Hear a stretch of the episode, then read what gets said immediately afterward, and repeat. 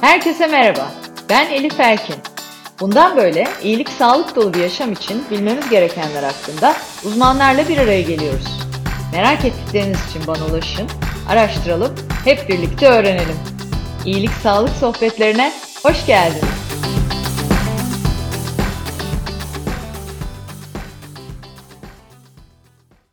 İyilik Sağlık Sohbetleri'nin yeni bölümüyle karşınızdayım. Bu bölümde konuğum tıbbi genetik uzmanı doçent doktor Ahmet Yeşilyurt. Ahmet Hocam, iyilik sağlık sohbetlerine hoş geldiniz. Hoş bulduk Elif Hanım, çok teşekkürler. Hocamla sohbetimize başlamadan önce size onu kısaca tanıtmak isterim.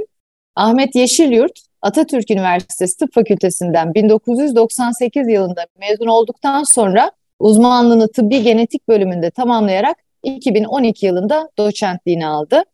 Charité University, Institute of Transfusion Medicine Berlin ve New Jersey Amerika'daki Reprogenetics'te de uzmanlık alanında farklı eğitimler alarak devam etti. 2010 yılında Gothenburg'da düzenlenen ESHG Conference'da National Fellowship ödülünü aldı. Tıbbi Genetik Derneği, European Society of Human Genetics, American Society of Human Genetics, Türk İmmünoloji Derneği Transplantasyon İmmünolojisi ve Genetiği Derneği'nde üyelikleri bulunan doçent doktor Ahmet Yeşilyurt'un yayınlanan 52'den fazla makale ve bildirisi bulunuyor. 2019 yılından bu yana da Acıbadem Maslak Hastanesi Tıbbi Genetik Polikliniğinde çalışmalarına devam ediyor. Evet, e, uzmanlıktan da anlayacağınız gibi bugünkü konumuz benim de çokça merak ettiğim bir konu olan genler ve genlerin hayatımızdaki etkileri. Hocam ilk soruma geçiyorum.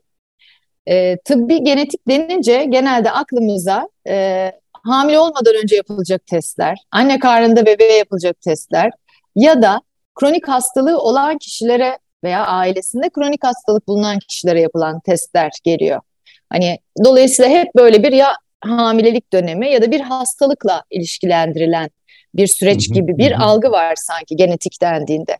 Sağlıklı bir insan bu testleri yapamaz mı? Sağlıklı insan e, genetik e, alanında kendi bilgilerini almamalı mı? Ya da almalı mı? E, kendi sağlıklı ama aile geçmişinde belli hastalıklar varken bu testlerin bir faydası, bir anlamı var mı? Genetik danışmanlık nedir? Aslında bir bütünsel olarak bize bu pencereyi açarsanız hangi durumlarda biz genetik test yaptırmalıyız ya da yaptırırsak iyi olur? Ee, birazcık böyle başlayabiliriz diye düşündüm. Tabii ki. Çok teşekkürler. Çok güzel bir soru. Aslında çok sık karşımıza çıkıyor. Genetikçiler olarak siz ne yapıyorsunuz sorusu bize çok geliyor. Çünkü e, tıbbın birçok alanı e, çok eskilere dayandığı için e, çok daha fazla şey biliniyor hakkında. Hatta hekim arkadaşlarımız tarafından bile ama tıbbi genetik nispeten relatif olarak biraz daha yeni bir alan olduğu için aslında çok da yeni değil artık 10 yıllara ulaşan e, neredeyse benim meslekte genetikte 20. yılım benden çok daha önce başlamış Türkiye'de ve dünyada birçok hocam var. Artık böyle 50 yıla aşkın bir tarihi olan bir e, tıp disiplininden bahsediyoruz ama bilinirliği hala çok yüksek değil. E, ama şunu öncelikle basitçe söyleyeyim. Artık hastalıkların tanısı, takibi, tedavisinde ana yönlendiricilerin başında genetik geliyor. Bu ne olursa olsun. Ta bir bebek hayatından tutun, anne karnına e, hatta girmeden önce embriyo aşamasından anne karnındayken e, fetüs aşamasında doğduktan sonra ve bir insanın ömrünün sonuna kadar yaşlılıkta, orta yaşta, yaşlılıkta karşımıza çıkan birçok hastalığın tanısını, tedavisini, takibini artık genetik testler üzerinden çok daha kesin ve keskin olarak yapıyoruz. Ee, ancak genetikçiler olarak da, tıbbi genetikçiler olarak da tıp tıbbın diğer alanlarındaki birçok hekim arkadaşımız gibi şundan biraz muzdaribiz. İnsanlar genel olarak ne yapıyorlar? E, hasta olduktan sonra bize geliyorlar. Elbet o, de o zaman yardımcı olabiliyoruz, tedavilerini düzenleyebiliyoruz, teşhis koyabiliyoruz. Rahatlıkla elimizde çok güçlü artık imkanlarımız var. Teknolojimiz inanılmaz ilerledi. Ancak bizim isteğimiz mümkünse hasta olmadan önce gelmek ve önlem almak üstüne kurulu olmalı. Özellikle genetiğin bu alanda söyleyebileceği, yapacağı şeylerin artık neredeyse sınırı kalmadı. ve şunu söylüyoruz. Bildiğimiz sürece güçlüyüz. Bildiğimiz sürece hemen bildiğimiz birçok hastalığı artık engelleyebilecek, önleyebilecek elimizde birçok bir imkan var.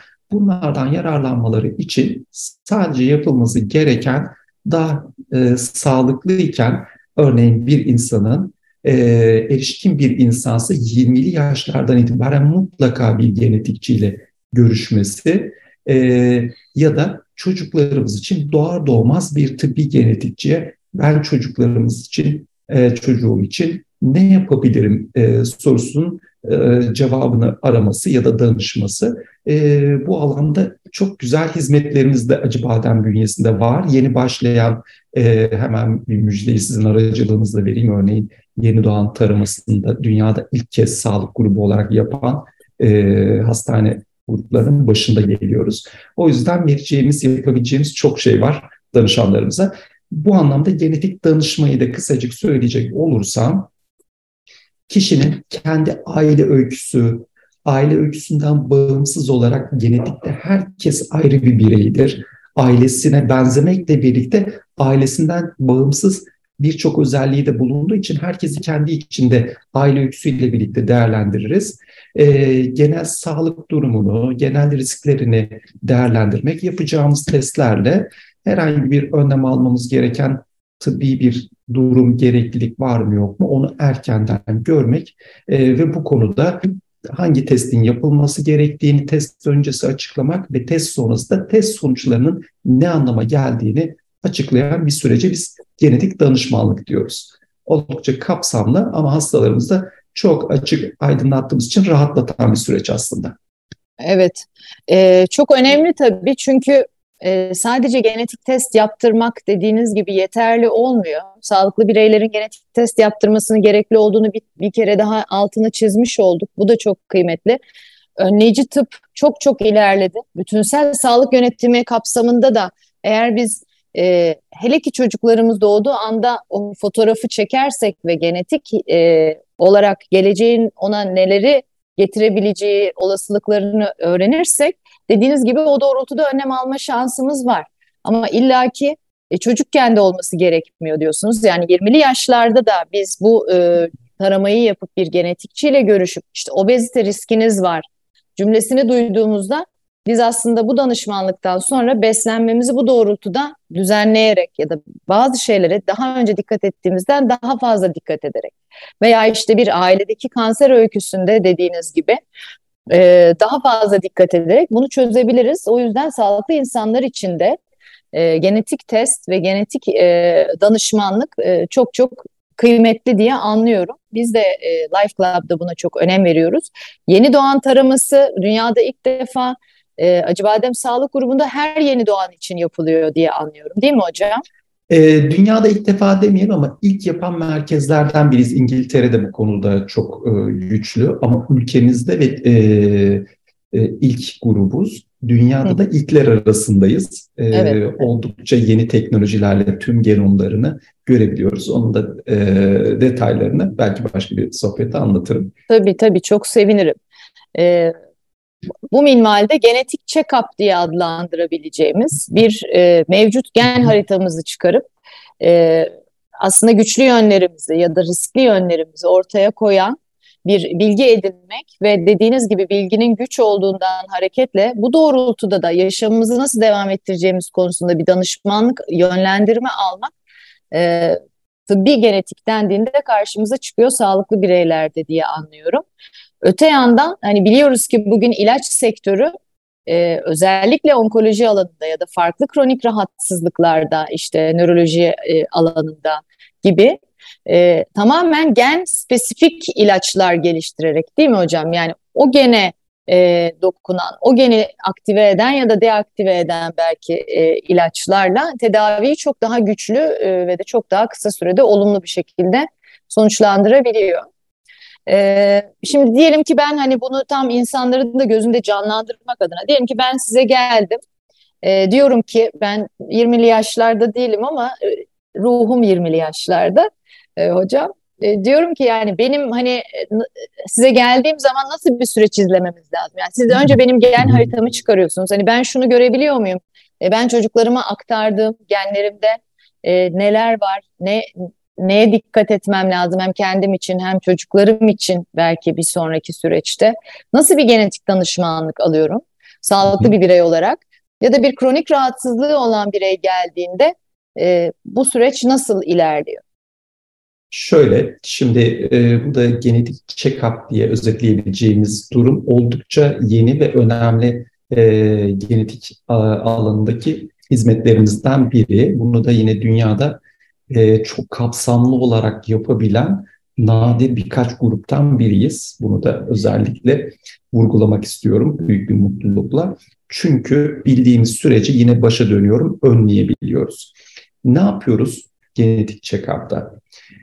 Ee, şimdi birincisi hastalıkları öncelikle bir ikiye ayırmak istiyorum. Tek gen hastalığı dediğimiz bir kavram var. Bir de e, multifaktöriyel hastalıklar dediğimiz hastalıklar var. Aslında bizim yakalandığımız hastalıkların hemen hepsi e, tamamına yakını diyebilirim.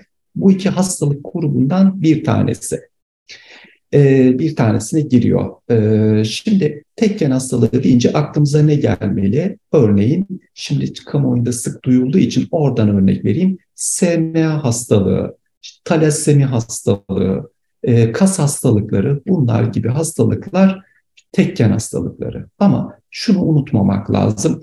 Tekken hastalıklarının %75'i çocukluk çağında başlıyor. Evet ama %25 kadar yine hiç azımsanmayacak bir oranda erişkin çağda başlıyor.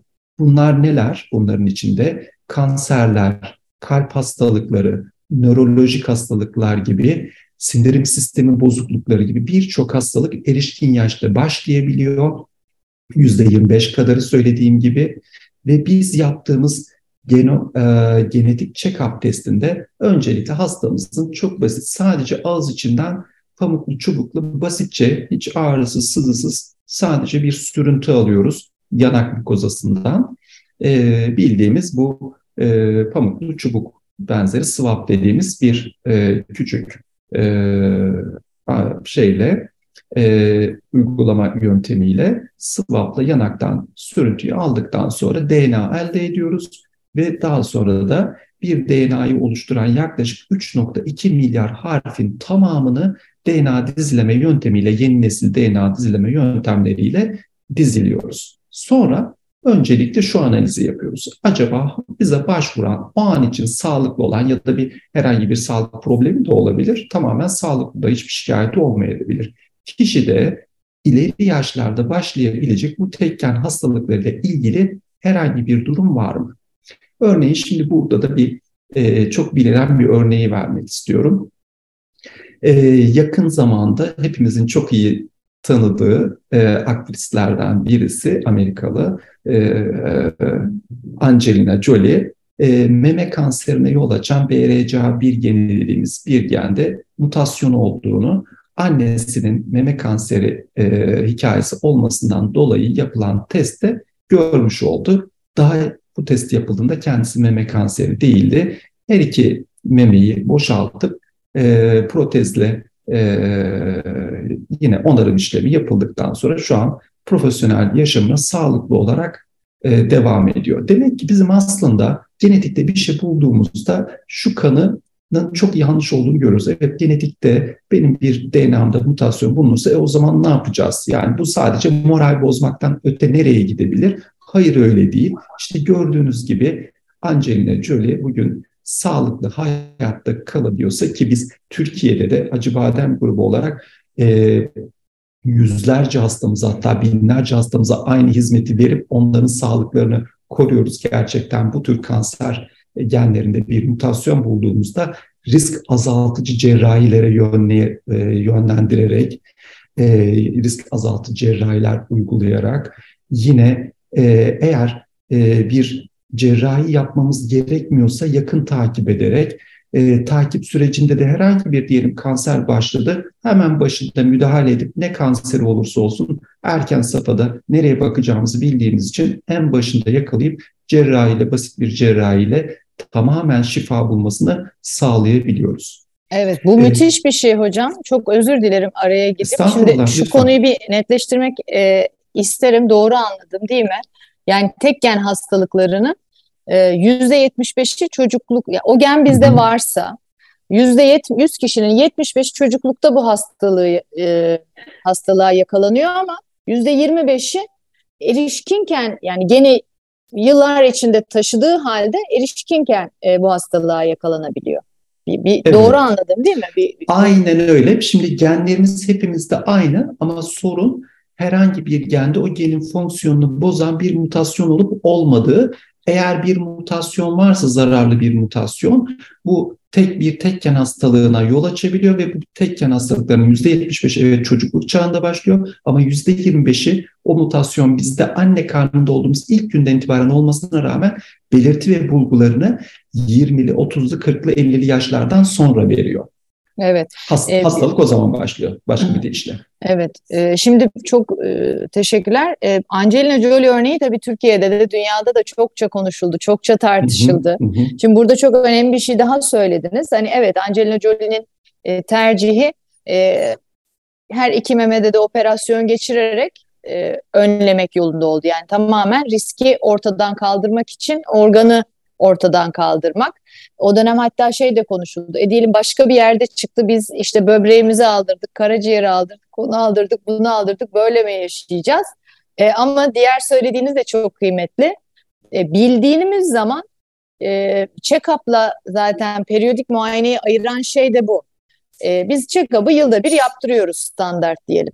Hı hı. Halbuki e, bu kontrollerin kişiye özel yapılması lazım. Hani bizim de Life Club tarafında getirmeye çalıştığımız bilinç bu. Yani sizin belki 6 ayda bir e, MR çektirmeniz yeterli e, karaciğeriniz için de aile öykünüzden dolayı. Benim belki 3 ayda bir bu takibi yaptırmam ya da belki yılda bir yaptırmam yeterli gibi.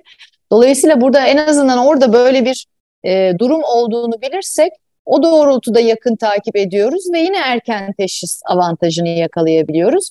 Bu anlamda çok kıymetli. Çünkü her durumda bir semptom gördükten sonra gittiğimizde bu tip hastalıklarda biliyoruz ki e, geç olabiliyor. Yani çok geç olmasa bile geç olabiliyor. Bunu önlemek de e, bu minvalde e, genetik danışmanlık alarak ve e, kendimizi bilerek mümkün diye anlıyorum e, diyeyim. Evet sizin e, tam lafınızı böldüm. Yani erken safhada müdahale edebiliyoruz demiştiniz. Tekken e, hastalıkları saptandığında. Evet. Genetik öyle. danışmanlık başlığında. Multifaktöriyel e, hastalıklar dediğimiz e, hangi tip hastalıklar hocam? Orada neler yapıyor genetik danışmanlık? Şimdi orada neler yapıyoruz? Şimdi basit bir teknik bilgi verirsem birazcık daha kolay anlaşılabiliyor bu multifaktöriyel hastalıklar. Şimdi e, basitçe şöyle özetleyebiliyoruz. Bu bir multifaktörel hastalık, örneğin kalp krizi geçirmek, örneğin akciğer kanseri geliştirmek, e, Alzheimer hastalığı, e, bunun gibi çeşitlerini çok fazla artırabilirim. Hastalıkların birçoğu bir tek gen kalıtımına sahip değil. Yani benim bir gende o geni oluşturan DNA harflerinden bir tanesinin bozuk olmasıyla ortaya çıkan hastalık grubunda değil. İstisnaları hariç tutuyorum tabii burada. Genel olarak söylüyorum sık rastladığımız tiplerini bahsediyorum. Örneğin diyabet, tip 2 diyabet veya çok sık karşılaştığımız hastalıklardan bir tanesi. Yani onun tekken hastalığı olan diyabet tipleri de var ama bir tip 2 diyabet dediğimiz zaman bu bir multifaktöriyel hastalık. Ee, e, iyi bir örnek e, yine sık karşılaştığımız için. E, burada tek bir yendeki tek bir DNA harfinin değişmesi bu hastalığa yol açmıyor. O zaman bu hastalığa ne yol açıyor? Bir, şimdi detayını vereceğim. Genetik yatkınlık olacak. İki, çevresel risk faktörleri de üstüne eklenmiş olacak. İkisinin etkileşimi ya da toplamı sonucu ortaya çıkan hastalıklara biz multifaktöriyel hastalıklar diyoruz. Yani birden çok faktörlü hastalık demek. Multi biliyorsunuz birden çok demek.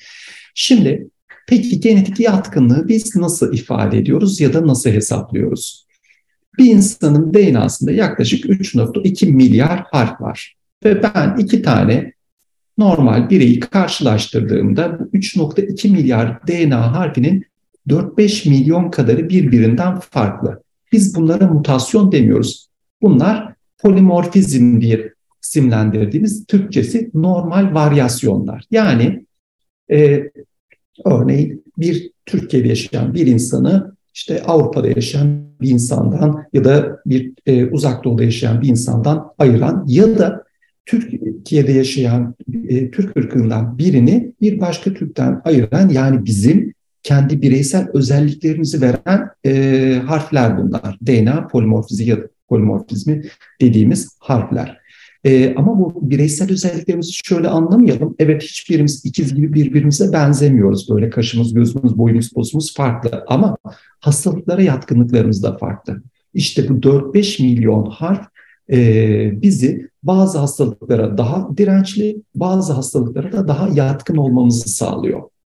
Birçoğumuz toplumda belirli hastalıklar için hepimizin belli bir riski var. Örneğin e, meme kanserinden örnek verecek olursam yine sık gördüğümüz bir e, kanser türü kadınlarda en sık e, gördüğümüz kanserlerin başında geliyor biliyorsunuz.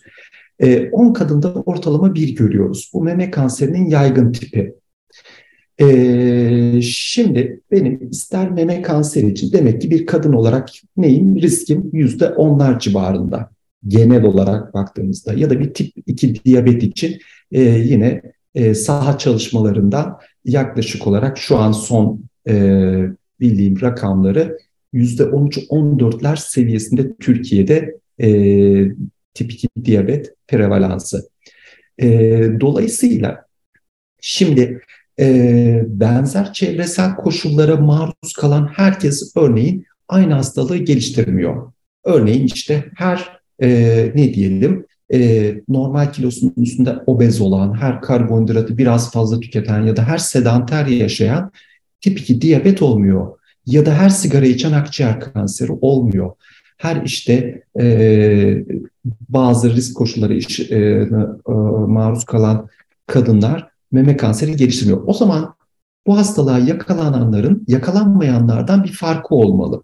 İşte biz bu 4-5 milyon DNA'da bulunan polimorfizm dediğimiz harflere dayanarak yaptığımız bir hesaplama var. Bu hesaplama sonucu ortaya bir skor çıkıyor. Buna biz poligenik risk skoru diyoruz ve sıfırdan yüze kadar bir skor veriyoruz. Ve bu skoru çok yüksek olanlarda bu hastalığa bir yatkınlık olduğunu düşünüyoruz, görüyoruz. Şimdi oradaki iyi tarafı ne? Peki benim yine baştaki sorulardan birine geliyoruz. Poligenik risk skorum yüksek. E tamam şimdi ben bunu bildiğim zaman ne olacak? DNA'mı değiştiremem artık. Bu sadece bir moral bozukluğuna mı yol açacak? Hayır. Ne demiştik? E, poligenik risk skoru isterse 100 olsun. Bu bir multifaktöriyel hastalık olduğu için koşullarının da bunun üstüne eklenmesi lazım. O zaman ben çevresel koşulları değiştirerek bu hastalığa yakalanmayı tamamen engelleyebilirim başlangıcını oldukça geciktirebilirim. 10-20 yıl ve bu süre içinde bu hastalığa çok rahat hiç tedavisi olmasa bile bir tedavi gelmiş olabilir. Ya da çok daha hafif geçirebilir. Yan etkilerinden, komplikasyonlarından korunabilirim. Şimdi mesela çok e, ilginç bir örnek vereyim size.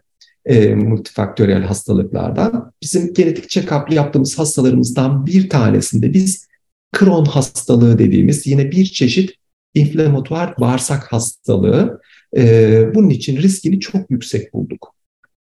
Fakat ilginçtir kendisinde Crohn hastalığı ile ilgili bir herhangi bir belirti, bulgu olmak e, olmamasına rağmen iki tane kız kardeşinde ikisinde de Crohn hastalığı vardı. Var.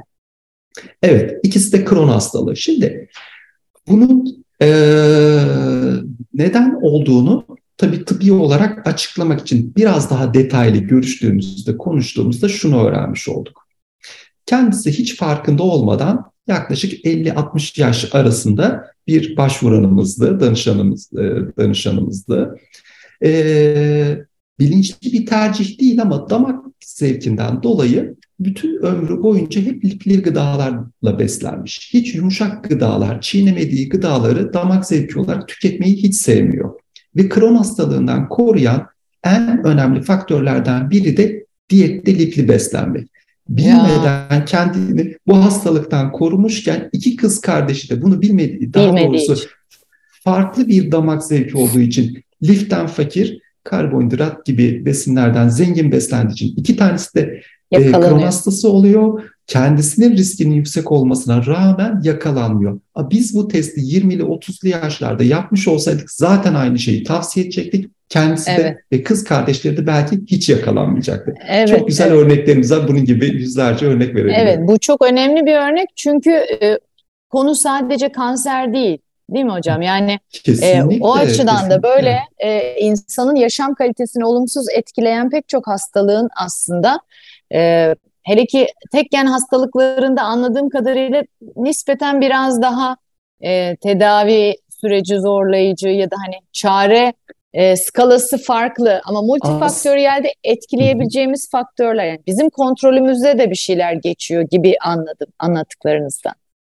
Bilmiyorum. E, kesinlikle zaten bu testleri yaptırmamızın e, amacı bu. Yani işte bir şeyi bulalım da hep birlikte üzülelim değil. Tam tersi. Evet. O, o, o 40 yıl önceki filmlerde kaldı ve e, hastalarımızda ya da sağlıklı başvuranlarımızda şunu görüyoruz işte. Ya ama kurcalatmayayım kesin bir şey çıkar bir şey çıkarsa da evet. yapacak bir şey yok. Hayır tam tersine yapalım, bilelim, bildiğimiz sürece engelleriz, hiç endişe etmeyin. O kadar çok yapacak şeyimiz var ki tekken hastalıklarında bile e, örneğin çok basit bir ilaç kullanarak kalp e, problemi nedeniyle ölmenizi engelleyen ölümcül e, bazı durumları bile çok basit bu testte bulduğumuz mutasyon sonucu tedavi verebiliyoruz. Ya da az önce anlattığım örnekteki gibi sizin daha 20'li 30'lu yaşlarda e, neler yapmanız, nasıl yaşamanız gerektiğini söyleyerek 40'lı, 50'li, 60'lı yaşlarda bir hastalığa yakalanmanızı çok daha öncesinde önleyebiliyoruz. Hatta 30'lu yaşlarda siz eğer 20'li yaşlarda başvurmuşsanız e, engelleyebiliyoruz. Yapacak artık gerçekten çok şeyimiz var. Evet bu çok kıymetli. Ee, bir de bildiğim kadarıyla hani hem bütünsel bakabiliyorsunuz hem de e, işte özellikle bağırsak bölgesi, ağız diş sağlığı gibi bölgesel olarak da e, analizler yapıp yönlendirme de yapabiliyorsunuz e, kişilere. E, ama bu Crohn hastalığı örneği gerçekten çok çarpıcı ve e, çok merak ettiğim bir konuya da e, köprü yapıyor. E, bir yandan bu e, danışanınız hani gut feeling derler ya kendi kendine hissetmiş o bağırsağı için içinden e, yapması gerekenleri ve yapmış. Bir de e, bu bu örnekler genetik e, konuşulduğunda bu alanda karşımıza çok çıkıyor. Yani iki kardeş var. Genler, e, aile geçmişi aynı. Biri kansere yakalanabiliyor, diğeri yakalanamıyor. Hatta e, geçenlerde bir yerde onu dinlemiştim. E, Çin'de bir e, Çin'de doğan iki kardeşten biri Çin'de yaşamaya devam ediyor, diğeri Amerika'ya yerleşiyor ve orada devam ediyor ve ikisi sağlık açısından bambaşka yöne evrilebiliyorlar. İşte dolayısıyla dediğiniz gibi bu multifaktöriyel hastalıklara sebep olan multi faktörler var. E, sanırım bu da biraz epigenetik biliminin de altyapısını oluşturuyor. Değil mi? Yani hani genler kader midir, e, değil midir? Aslında genetik danışmanlıkla evet genler tabii ki bir şekilde onlarla geliyoruz. Mutasyonlar her zaman kader olmayabilir. Mutasyona neden olan faktörleri hayatımızdan bir nebze elimine edebiliriz. Ama kader kader olarak da e, mutasyon gerçekleşebilir. Ama yapılabilecek pek çok şey de var. Nedir epigenetik? E, biraz e, onu da e, açıklarsak harika olur hocam. Tabii ki.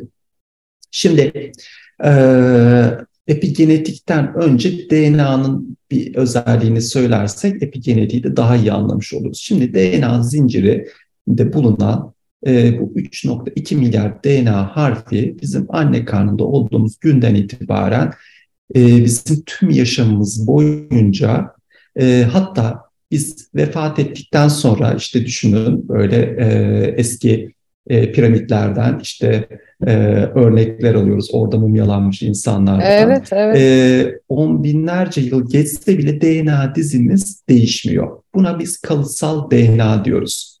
Bir DNA zincirindeki kanser gibi durumlar hariç bu DNA'mızdaki harfler hiçbir zaman değişikliğe uğramıyor. Ama DNA'mızda sürekli olarak değişiklik gösteren bir durum var. Buna da biz epigenetik diyoruz. İşte bu DNA'ya bağlanan, onun çalışmasını e, değiştiren faktörler epigenetik faktörler. İşte DNA e, metilasyonu ya da işte DNA'nın içinde bulunan histonların asetilasyonu vesaire gibi bir sürü mekanizma anlık olarak yediklerimizden, içtiklerimizden, yaşam tarzımızdan hepsinden etkilenerek anlık, günlük ya da aylık, yıllık olarak değişebiliyor. Bunlar e, diğer DNA zincirindeki o harfler gibi e, kalıcı değil, tamamı e, aktarılabilen e, ya da özellikler değil. Biz DNA'mızdaki özellikleri değişmediği için bir sonraki nesle de aktarabiliyoruz. Ama bu epigenetik değişikliklerin birçoğu e, aktarılmıyor. E, sadece bizi ilgilendiriyor ve daha anlık olarak o, anki durumu gösteriyor. Fakat sizin sağlığınızı oldukça etkiliyor. Evet. E, o yüzden zaten bizim sağlıklı yaşamı e, önemsememizin bir nedeni tamam benim DNA'm evet çok sağlıklı, hiçbir mutasyonum yok. Hiçbir, örneğin genetik test yaptığımız birçok kişide bir tek gen hastalığıyla ilgili e, herhangi bir şey bulmuyoruz. Ama o zaman e, işte sizin DNA'nızı az önce söylediğim herhangi bir hastalık için mutasyon olmamasına rağmen yüksek bir poligenik risk skorunuz var mı? Ya da siz kötü aslında yaşam tarzınızı kötü e, yönlendiriyorsunuz, kötü yaşıyorsunuz. E, çevresel risk faktörlerinin kötü, e, çok olumsuz ve yüksek miktarda kullanıyorsunuz. O zaman işte bu epigenetik faktörleriniz de yine bundan olumsuz etkilenerek sizi hasta edebiliyor. O yüzden bunu da e, göz ardı etmemek lazım. Yani sadece hiçbir mutasyonunuzun olmaması bizi e, sağlıklı olarak yaşam boyu e, sağlıklı tutmaya yetmiyor. E, diğer sahip olduğumuz normal DNA değişiklikleri ve epigenetik değişiklikler de bizim sağlığımız üzerinde oldukça önemli etkilere sahip. Evet, burada e, şu iyi, epigenetik değişiklikler eğer olumsuz değişikliklerse bunlar, yani bizim çevresel faktörler hayatımızdaki e, işte stres oranı da dahil, yediğimiz içtiğimiz de dahil ve kalıtsal olarak aktarılmıyorsa bu güzel bir şey. Aslında şeyi de açıklıyor zaten. Aynı aile geçmişine hı hı. ait kişilerin bir sonraki jenerasyonunda hastalık yaşanmamasına eğer sağlıklı yaşam stili belirlerlerse bu çok e, önemli. Yani bunu özellikle altını çizmek istedim. Bütünsel anlamda sağlıklı yaşadığımız zaman e, pek çok şeye müdahale etmemiz, sağlığımızı ele almamız da mümkün oluyor. Bunu da gösteriyor. Bir de bir şey daha söylediniz. Hani kurcalatmayalım, e, bakmayıp aman öğrenmeyeyim illaki bir şey çıkar. Bu düşünce o kadar yaygın ki hocam. Bu düşünceyi değiştirmemiz lazım. Çünkü e, doğal olarak korkuyoruz. Bir şey çıkacak korkusuyla gitmiyoruz. E, kontrolleri yaptırmamız gereken zamanda yaptırmıyoruz gibi gibi pek çok şey var. Ben kendi teyzemden örnek vereyim. E, teyzem yıllardır özel sağlık sigortası da var. E, hani imkanları e, dahilinde check-up hakkı da var. Her yıl en azından yılda bir ben ona diyorum ki ne olur teyzeciğim yani bak. Git bir check-up'a gir tamam ben iyiyim. Tamam iyisin zaten iyiyken bakmak lazım ki Hani riskli bir şey var mı ya da Allah korusun bir şey varsa çünkü bizim ailede de var farklı hastalık öyküleri. Erken e, yakalar müdahale ederiz. Yok şimdi ben gitmek istemiyorum işte kurcalatmayayım. Şimdi illaki bir şey çıkar bir de onunla uğraşacağım. Ya teyzeciğim diyorum çıkarsa erken çıkar işte ne güzel falan. Yok yok en son bana şey dedi orada pes ettim. Ben çağırmıyorum dedi. Neyi çağırmıyorsun dedim. Hani check-up'a giderek hastalık çağırmak gibi bir e, olguyla çıktı karşıma. Halbuki dediğiniz gibi yani genetik bir hastalığa dair bir bulgu dahi olsa görülen bilgi bunu yönetme imkanımız var. Ee, hele ki bugün modern tıbbın gelişmesi hep şu söyleniyor son 20 yılda 200 yıllık gelişme oldu deniyor. Ee, o anlamda bunu e, tekrar tekrar e, eğer sağlıklı yaşamak istiyorsak, bütünsel sağlığa önem veriyorsak mutlaka bu kontrolleri yaptırmanın öneminin altını çizmemiz lazım. Bir kere daha çizmiş olayım. E, genler tabii bilgi güçse 3.2 milyar diyoruz hocam. Yani 3.2 milyar harfin taşıdığı bilgi de muazzam bir bilgi ve bu bilgi de bize muazzam bir güç verebilir. Kendi yaşamımız içinde bizden sonraki jenerasyonların, çocuklarımızın yaşamı içinde e, bazı genetik bozukluklar, e, hastalıklar e, kalıtsal da olmayacağı için engellenebilir. Bunu da sizden duymuş olduk. Ee, anne karnındayken de yapılan bazı genetik testler var. Ee, hani doğum öncesinde de Hani burada amaçlar nedir? Nelere bakıyorsunuz özellikle ve burada neler yapıyorsunuz? Belki birazcık onu da e, konuşmak hı hı. iyi olur. Tabii ki. Şimdi biz e, az önce bahsetmiştik hep e, aynı terimi kullanıyoruz. Tekken hastalıkları bizim e, bizi ama özellikle de tabii ki kendimizle birlikte çocuklarımızı e, en çok tehdit eden hastalıkların başında geliyor. Şimdi son yapılan bilimsel çalışmalar bize şunu gösterdi. E, her insan ortalama iki tane hastalık, ciddi hastalık için taşıyıcı. E, yani iki tane tekken hastalığı taşıyoruz her birimiz ortalama olarak. E, dolayısıyla o e, şu kavramı biraz açmak lazım. Taşıyıcılık ne demek? Bizde şimdi 20, e, yaklaşık 20 bin tane genimiz var ve bu genin de iki kopyası var. E, çünkü bir kopyayı annemizden alıyoruz. Her bir genin bir kopyası anneden, bir kopyasını da babalarımızdan alıyoruz. Dolayısıyla e, şimdi her genin iki kopyası e, olduğu için ee, bazı hastalıkları şöyle biliyoruz. Buna biyoloji derslerinden belki hatırlarız. Çekinik karakterli hastalıklar diyoruz. Eğer bir hastalık bir genin iki kopyası da bozukken ortaya çıkabiliyorsa çekinik karakterli tek bir kopyası e, mutasyonlu ya da bozukken ortaya çıkabiliyorsa baskın karakterli ya da dominant hastalık diyoruz. Şimdi bizim için en önemli risklerden, tehlikelerden biri çekinik karakterli hastalıklar. Örneğin yine sık bilinen bir örnekten verince daha iyi e, anlaşılacaktır Tabii. sanırım. SMA hastalığı. E, şimdi SMA hastalığını biz niye bu kadar sık görüyoruz? Çünkü yaklaşık olarak 50-60 kişiden biri SMA hastalığı taşıyıcısı. Yani genin iki kopyasından birinde mutasyon var. Önemli olan soru da şu oluyor bu durumda. Eğer bende bir mutasyon varsa acaba eşim de aynı gende bir e, mutasyon taşıyor mu? Çünkü eğer eşim de aynı hastalık için bir aynı gende e, bir mutasyon taşıyorsa şimdi biz kendi çocuklarımıza e, DNA'mızı miras bırakırken bu iki gen kopyasından birini verebileceğiz. Dolayısıyla şöyle düşünün. Anne ve baba o hastalık için aynı gende bir birer mutasyon taşıyor, zararlı mutasyon ve bebeklerine miras verirken mutasyonlu kopyayı verirse bebekte o genin sağlıklı bir kopyası olmayacağı için o hastalık ortaya çıkıyor. Yani SMA'lı bir çocuğun geninin iki kopyası bozuk ama anne ve babasının sadece birer kopyası bozuk. Şimdi buradaki sorun ne? Tabii ki SMA evet sık gördüğümüz tedavisi de artık olduğu için e, nispeten sık da duyduğumuz, çok sık duyduğumuz bir hastalık ama bunun dışında yaklaşık 8 bine yakın tekken hastalığı var çocuklarımızı tehdit eden. Yani SMA'nın taranması örneğin güzel ama tek başına kesinlikle yeterli değil. Özellikle evet. de akraba evliliği yakın coğrafyadan, yakın aynı ilden, aynı ilçeden, aynı köydense kesinlikle çok daha iyi riskimiz e, artıyor. 16-17 kat daha artıyor akraba olan bir çifte olmayana göre. Ama akraba olmayan çiftlerde de bir bazı hastalıkların taşıyıcı sıklığı o kadar yüksek ki işte SMA gibi, kistik fibrozis gibi, e, Dušan musküler distrofi ya da Türkiye için talasemi yani e, Akdeniz evet, anemisi, Akdeniz. anemisi aha, e, o kadar yüksek ki hiç akraba olmayan iki kişinin evliliğinden de bu hastalıklardan etkilenmiş bir bebek e, olduğunu görebiliyoruz.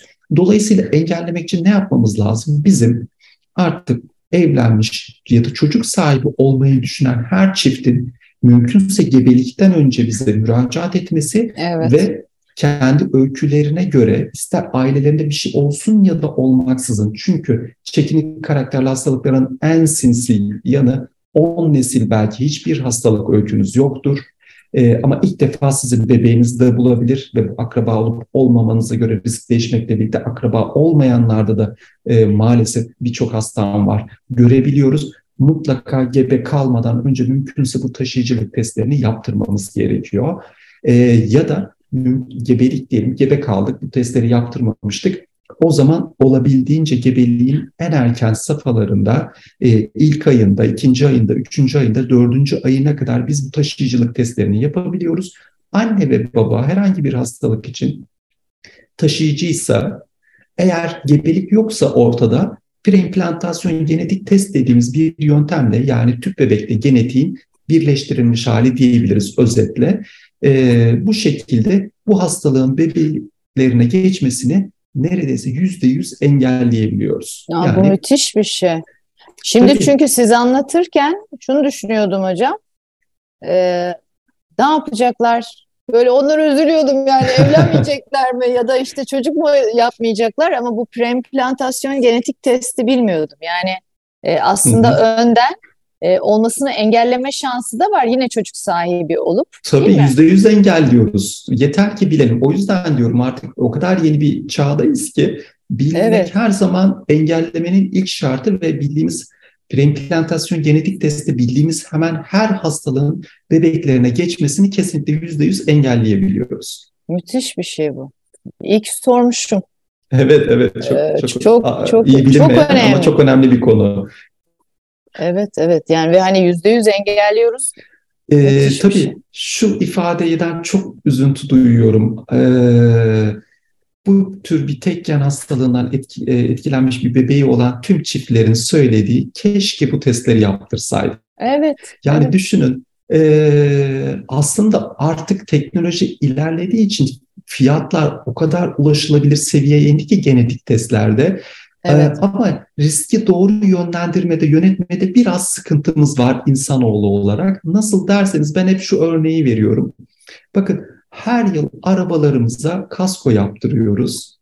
Ve evet. çok ciddi bedellere ulaşmasına rağmen şunu düşünün 50 yıl, 60 yıl, 70 yıl araba bindiniz.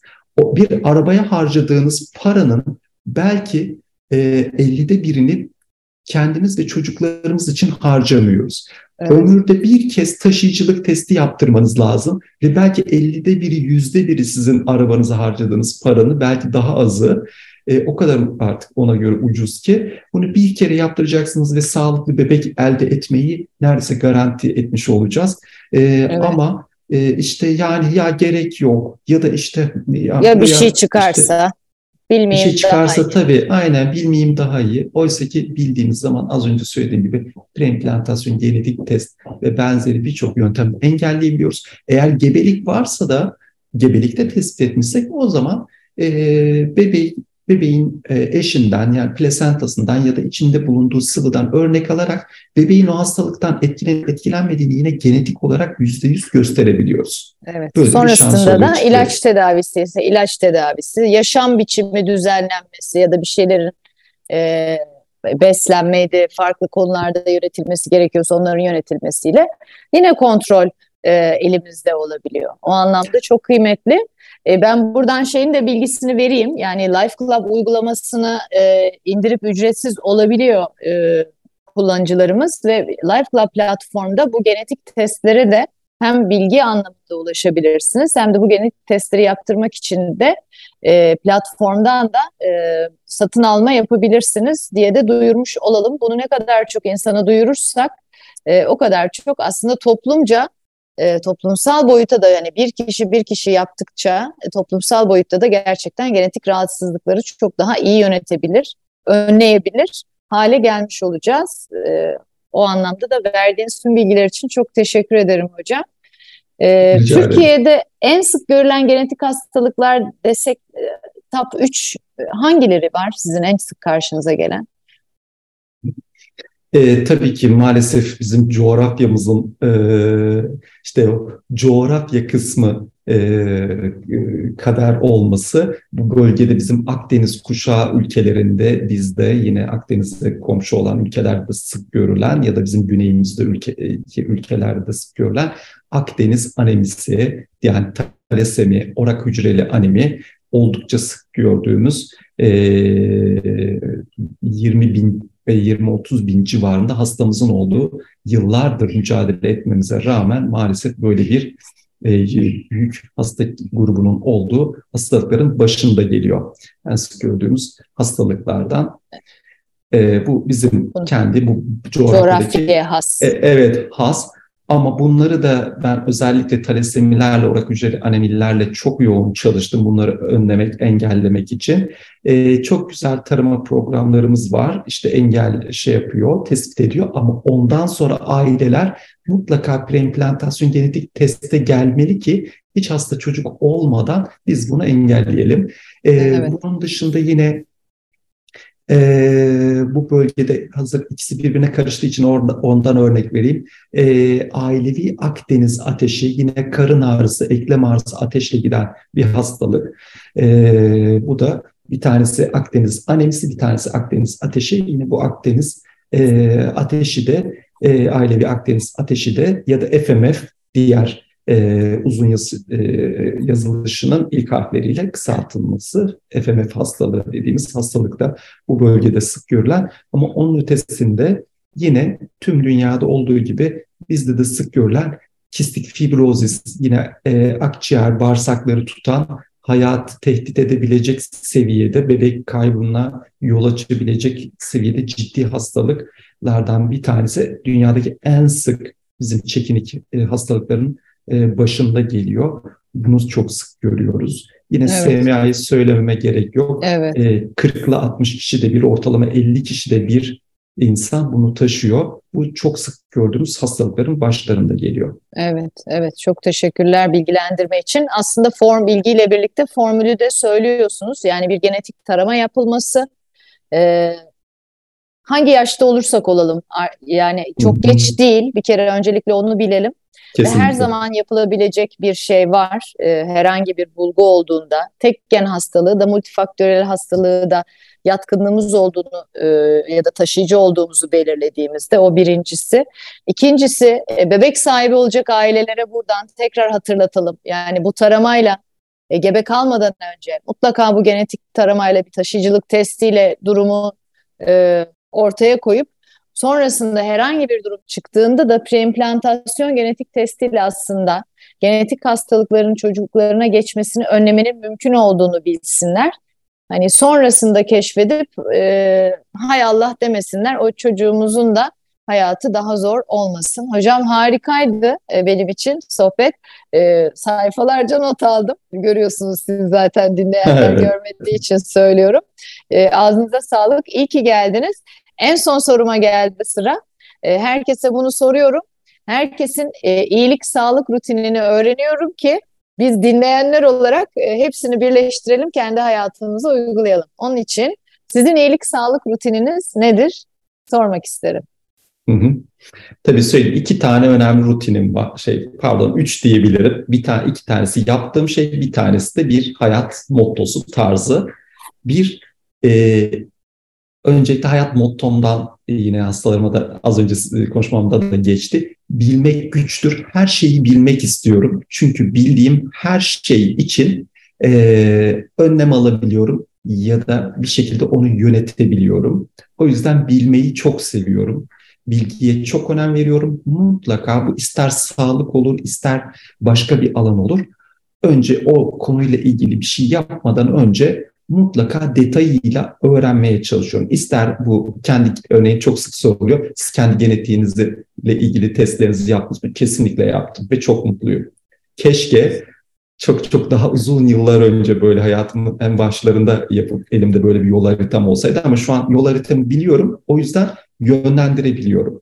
Tabii. Ee, ikincisi az bile olsa hayatımdan sporu hiç çıkarmıyorum mutlaka evde bile olsa spor salonuna gidemeyecek bile olsam mutlaka e, günde en az hiç olmazsa 15 ile 30 dakika mutlaka spor yapıyorum.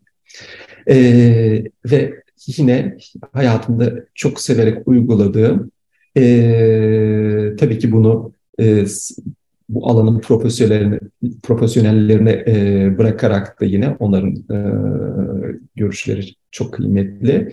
E, günde iki öğünden fazla beslenmiyorum. Genellikle bazı günler tek, bazı günler iki öğün besleniyorum. İnanılmaz şey, e, hatta şöyle söyleyeyim, hiç sanıldığı gibi açlık krizleriniz çok, ben de herkes gibi e, çok böyle daha genç olduğum yıllarda üç öğün beslenen vesaire çok sabah kahvaltının üstüne öğlen yemeğine zor yetişen inanılmaz aman Allah'ım öğlen geçti. Hep aç, şey, hep aç. Hep aç.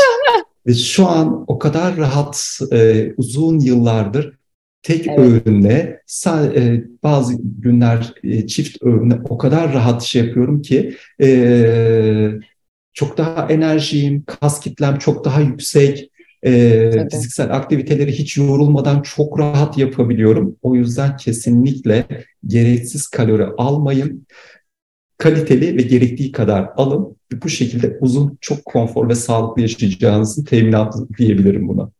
Evet, çok teşekkürler. Harika öneriler. Yine sizi görmeyenler için, gerçi hani farklı kanallarda görenler de vardır ya da e, görürler. E, yıllardır aynı kiloda, hep fit, e, hep genç, hep enerjik. E, Aa, çok teşekkürler. Sırları da böylece almış olduk. İyi ki geldiniz. Çok teşekkürler hocam. Ağzınıza sağlık. E, en kısa sürede görüşmek üzere. Ben çok teşekkür ediyorum. Çok keyifliydi. Umarım e, herkese de çok faydası olan bir söyleşi olmuştur. E, çok buradan sevgilerimi, böyle güzel, sağlıklı e, bir hayat dileklerini de sizin aracınızda iletmiş olayım. Sağ olun hocam. Görüşmek üzere. Görüşürüz Elif Hanım. Kolay gelsin size.